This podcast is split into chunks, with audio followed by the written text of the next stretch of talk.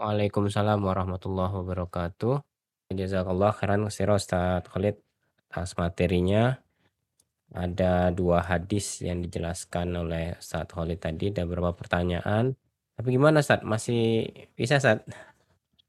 Sampai jam 9. Boleh Ustaz? Silakan, silakan. Ustadz, jika sekiranya wanita di kereta api, bolehkah melakukan mengusap sepatu atau kaos kakinya? Dan sekiranya melewati dua waktu sholat yang boleh dijamak, apakah kita boleh sholat fardu di kereta? Oh, dan posisi duduk tidak sempurna gerakan. Oh, dua pertanyaan. Berbeda satunya tentang mengusap Ya. sepatu di kereta dengan jamak sa- Kaos sambil duduk. Jadi mengusapnya kaos kakinya ya. Kaos kakinya.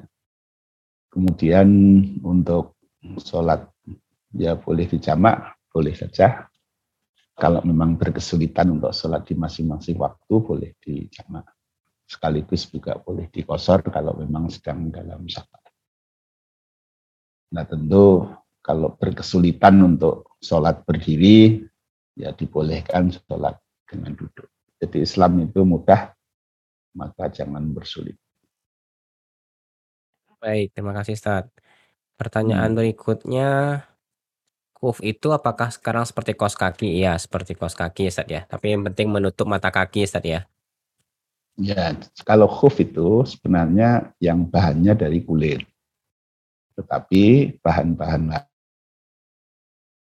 Jadi khuf itu aslinya itu, tetapi bahan-bahan lain itu disetarakan hukumnya dengan khuf. Jadi bukan mengganti namanya ya. Kaos kaki ya kaos kaki. Tadi yang disebut sebagai jurbain tadi. Itu bukan khuf, tetapi dihukum setarakan dengan khuf. Dalam hal boleh diusap pada saat berwudu pengganti membasuh kaki.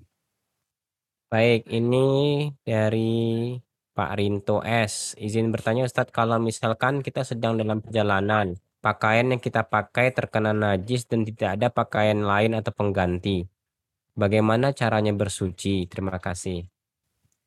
Ya kalau tidak ada, tidak bisa mem- membasuh, ya me- membersihkan najisnya, ya kalau ada dua pendapat ya. Walaupun nanti mungkin ada eh bab izalatun najasah sudah ya. Jadi Sudah. Yang pertama itu orang tetap melakukan sholat, tetapi nanti diganti lagi. Istilahnya ada hormatil waktu.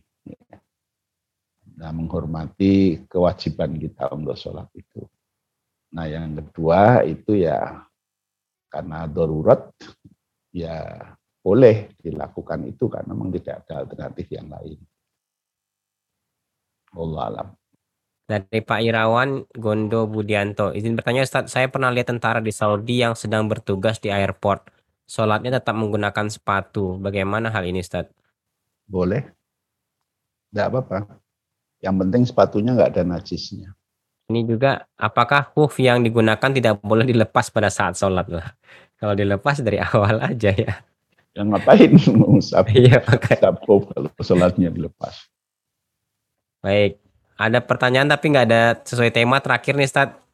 Dari Pak Suharwanto, kalau sholat Jumat mendengarkan khutbah sampai tertidur, apa batal tidak wudhunya Ustadz? Itu hukumnya kebiasaan itu.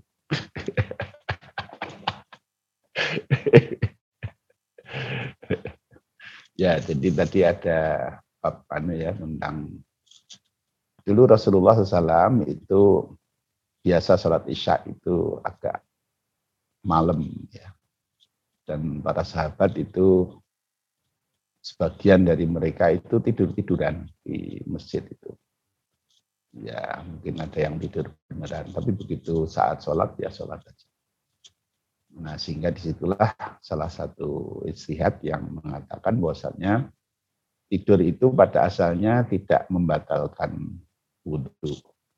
Karena tidak ada nas yang tegas tentang batalnya wudhu karena tidur. Ya.